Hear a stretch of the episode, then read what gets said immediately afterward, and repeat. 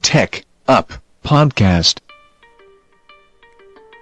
Dobar dan i dobrodošli, dragi slušalci, ponovo na Teka podcast u još jednu epizodu. Danas jedna veoma popularna tema proteklih mesec dana, možda malo jače.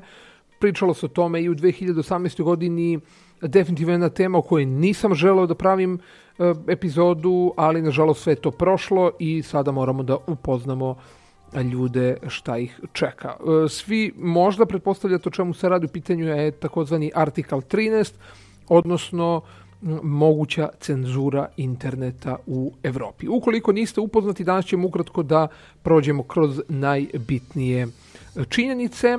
E, Evropski parlament izglasao je zakon o autorskim pravima. Ako se ne varam sutra ili preko sutra treba da bude posljednja verifikacija u Evropskom parlamentu. I kako sada izgleda, internet će se svakako zauvek promeniti, bar u Evropi. Nova pravila obavezuju sve kompanije da brinu o svom sadržaju, koja se, koji se objavljuje bez obzira koga postavlja na njihovoj platformi, što je, da kažem, velika promjena.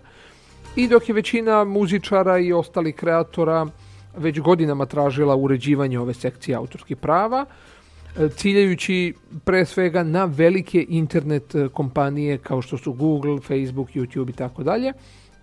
Vrlo lako može da se desi da na kraju ipak, kako to obično biva, ispaštaju obični korisnici, odnosno mi koji sve to koristimo. Za ovaj zakon glasalo je 348 poslanika, dok je 278 bilo protiv. Zakon je prošao već nekoliko revizija, ali ni jedna promjena nije bila nešto pretarano bitna da bi uverila obične korisnike da će zadržati određena prava kao do sada. Da pojasnimo, nakon izglasavanja ovog zakona, svaka država, članica Europske unije, pona osob će u svojim institucijama da glasaju u ovom zakonu i ako usvoje imaju rok od dve godine da implementiraju ova nova pravila i da počnu sve to da koriste. E sad, da pojasnimo te dve direktive. Direktiva osim najspornijih članaka 11 i 13 sadrži još niz revizija e, zaštit autorskih prava za jedinstveno digitalno tržište Evropske unije. Ali činjenica je da promjene koje bi ta dva članka donela obuhvata najviše ljudi i ključnih aktera. Članak ili artikal 11, poznati kao link tax ili ti porezne linkove, obavezao bi agregatore sadržaja, kao na primjer Google News, Facebook e, i tako dalje, ali i one mnogo manje, sajtovi, blogovi, koji dele vesti iz drugih izvora, da moraju te iste izvore, to je njihove autore, novčano platiti. Članak 13 poznati kao upload filter, uticao bi na platforme poput YouTubea, Facebooka, Twittera i slični koje bi obavezao da proaktivno prate i odmah reaguju na neovlašćeno deljenje i korišćenje zaštićenog sadržaja na svojim platformama, u naravno u saradnji sa nosiocima prava, a to je naravno, složit ćete se, preko 90% sadržaja na pomenutim platformama. E sad, da pojednostavimo. Direktiva je osmišljena kako bi vlasništvo i prava na, za naknadu bile u rukama onih koji bi trebalo, a to su autori. Dok se naravno mnogi slažu sa tim da će primjena autorskih prava treba da bude usvojena. Također treba, e, postoji i druga strana priče, odnosno tačnije protivnika ove direktive, koji u realizaciji ovih prava vide puno slabosti i puno problema koji bi mogli dovesti do velike cenzure interneta u Europi, a samim tim i do ključnih promjena interneta kakvog danas poznajemo. To je jako bitno. Međutim, situacija oko tih prava je sve samo ne crno-bela, naravno kako to obično i biva. U igri je mnogo interesa, počeo od kompanija koje od njega žive, Facebook, Twitter, YouTube i tako dalje, velikih muzičkih medijskih kuća, ali naravno i politike. Nažalost, korisnici i sami autori, zbog kojih se sve to na kraju radi, nemaju baš puno reči o svemu tome, nisu ih baš mnogo pitali, ako uopšte i imaju e, pravo da iznesu svoje mišljenje praktično. Uz toliko uključenih strana i aktivnog lobiranja, javnost ostaje poprilično da kažem, isključena i ostaje sa poprilično jednostranim idejama o tome šta se događa i šta bi se moglo dogoditi kada direktiva e, prođe. E sad, ova direktiva bi za mnoge donela bolje i sigurnije sutra. Muzičari, filmski stvaratelji, ne znam, novinari, pisci i tako dalje. U digitalnom dobu su se našli prilično nespremno. Potpuno novi princip deljenja i konzumiranja sadržaja u 21. veku su uticali na to kako autor tih sadržaja ostvaraju naknadu za svoj rad. U mnogim slučajevima to je malo ili nikako. Osim naravno ako niste deo neke velike izdavačke kuće, koja se u tom digitalnom dobu nešto bolje snalazi, pa sa YouTube-om i sličnima lakše pregovara oko uslova. Prema tome, Direktiva o autorskom pravu na jedinstvenom digitalnom tržištu je tu da modernizuje autorska prava u skladu sa vremenom u kojem živimo. Što znači da promene na tržištu od bujanja korisničkih generisanog sadržaja pa do razvoja platformi koje su se izgradile na tom sadržaju trebaju naravno da budu regulisane. Do sada smo kao korisnici vrlo lako prihvatali mogućnost korišćenja, modifikacije i deljenja različitog sadržaja putem YouTube-a, Twittera, Facebooka i tako dalje i to radimo već preko 10 godina, što naravno nije ni čudno. Ali ako razmislimo kako putem društvenih mreža posebno svakodnevno prenosimo tuđi rad, bilo da je to neka pesma, emisija, slika, bilo šta, nije teško doći do zaključka da bi možda i bilo pravedno da se autorima čiji je sadržaj izvor prometa na tim mrežama i ponudi nekakva naknada.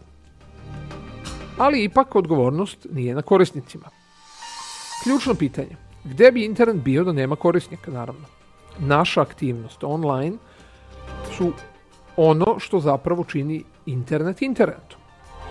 A to je najočiglednije postalo u vremenima društvenih mreža gde deljenje informacija, mišljenja, sadržaja dolazi kao praktično glavna funkcionalnost i poenta društvenih mreža. Stoga, ono što ova direktiva želi da obezbedi jeste da mi kao korisnici za deljenje tog sadržaja ne odgovaramo, već bi prema sadašnjim propisima ove direktive odgovornost za deljenje sadržaja trebala da pređe u ruke platforme. Najbolji pokazatelj kako to sad funkcioniše, na primjer YouTube, koji nije odgovoran da prijavi bilo kakvu zlopotrebu zaštićenog sadržaja. Na primjer, da je pesma nekog poznatog izvođača osvanula na YouTube-u sa serijom nekih loše montiranih fotografija i korisnik, primjer radi DJ Viral 85, koji se setio da bi tu pesmu mogao da objavi, pošto je tražena, mogao bi time da zaradi par hiljade pregleda za taj video. U ovom slučaju bi upravo autor pesme, odnosno njegova izdavačka kuća, trebali da budu ti koji će pronaći video i prijaviti ga YouTube-u da bude uklonjen što naravno funkcioniše trenutno, tako radi. I YouTube posle skida i tako dalje. Srećom, YouTube je kontrolu zaštićenog sadržaja olakšao uvođenjem takozvanog Content ID-a. Ako ne znate šta je Content ID, to je funkcionalnost koja nosiocima prava omogućava da svoje sadržaje ubace u bazu zaštićenih materijala uz koju YouTube-ovi algoritmi mogu bolje da prepoznaju ilegalne objavljene sadržaje. Ali ako se izdavači ili autori ne jave i ne unesu u bazu te materijale, nikom ništa. E sad, kako ostvariti autorska prava? Počnemo naravno od upload filtera.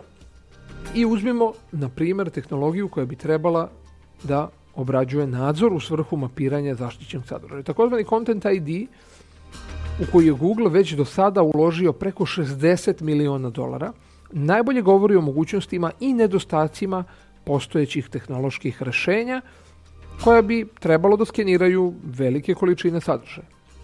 Ipak, ako je reč naravno o algoritmu, koji definitivno nije savršen, do sada smo bili svedoci da su opomene za ilegalno korišćenje dobijali upravo oni koji su po svim standardima taj sadržaj koristili po takozvanim pravilima pravedne upotrebe ili fair use. YouTube, kao i drugi, ne igraju baš po pravilima ali trenutna tehnologija koju imaju je praktično jedino na što se zaštita autorskih prava može osloniti. E sad, kome ova direktiva zapravo služi? Jedino što se nadzira iz scenarija jeste da će velike i male platforme vrlo restriktivno ograničiti sve što mogu kako bi se odbranile od velikog broja tužbi koji će nastati implementacijom direktive. Jer će sad YouTube direktno odmah biti odgovoran ako vi postavite neku pesmu koju ne biste trebali da, da postavite, naravno. Za koju nemate pravo, na primjer. I onda će YouTube da plati kaznu. Znači, ne vi. On će vama da skine video, ali ćete, dobit ćete naravno opomenu. Ali, s obzirom da je to ogroman broj korisnika, na primjer na YouTube-u ili na Facebooku, oni će pokušati na sve načine sebe unapred da zaštite i da onemoguće maksimalno koliko budu mogli da vi postavljate takav sadržaj da oni posle ne bi plaćali kaznu. Jer mogu oni vas da kazne, ali s obzirom da su besplatne platforme ne mogu da vam naplate. A oni moraju da plate kaznu. Tako da je to jako, jako veliki problem. Da ne dužimo puno. Mislim da je inače veoma kompleksna tema u pitanju. Koji bi bio zaključak? Da li je reč o koraku napred ili nazad, ili će praktično ovo uništiti sve dobro na internetu, pokazat će vreme kad ovo počne da se praktično primenjuje. Svakako će doći do određenih značajnih promjena na svim platformama u Evropi, a koliko će to ugroziti internet slobode, znaćemo čim se pojave prvi problem. Znači najdalje za neke dve godine. Znači 2021. ako se ne varam. I na kraju dolazimo do zna onih značenja između redova. Kad god se za internet gigante ne nađe neko kompromisno rešenje, oni se kao najveći agregatori sadržaja mogu igrati sa off-on prekidačem. Jer, složit ćete se, preko 90% tih kompanija nije u Evropi i ne posluje iz Evrope nego iz Amerike. Tako da, eto, nadam se da nisam previše udavio s ovom temom, veoma je kompleksna tema, kažem, vidjet ćemo kako će se stvari odvijati u naredne dve godine kad počne implementacija, neće svaka, svaka zemlja to odmah usvojiti. Možemo da budemo sigurni da će i naša zemlja, s obzirom da aktivno radimo na tom pridruživanju praktično Evropskoj uniji, pa ćemo morati da uskladimo i naše zakone, da će tu biti pominjanja. E, nastavit ćemo naravno da, da pratimo aktivno sve informacije i vesti e, vezane za Article 13. Tako da za sada imamo dve godine još malo da uživamo u ovom internetu kakvog danas poznajemo. Toliko naravno za sada. Hvala vam što ste ponovo bili uz TK Podcast i do neke sljedeće epizode kao i uvek veliki pozdrav.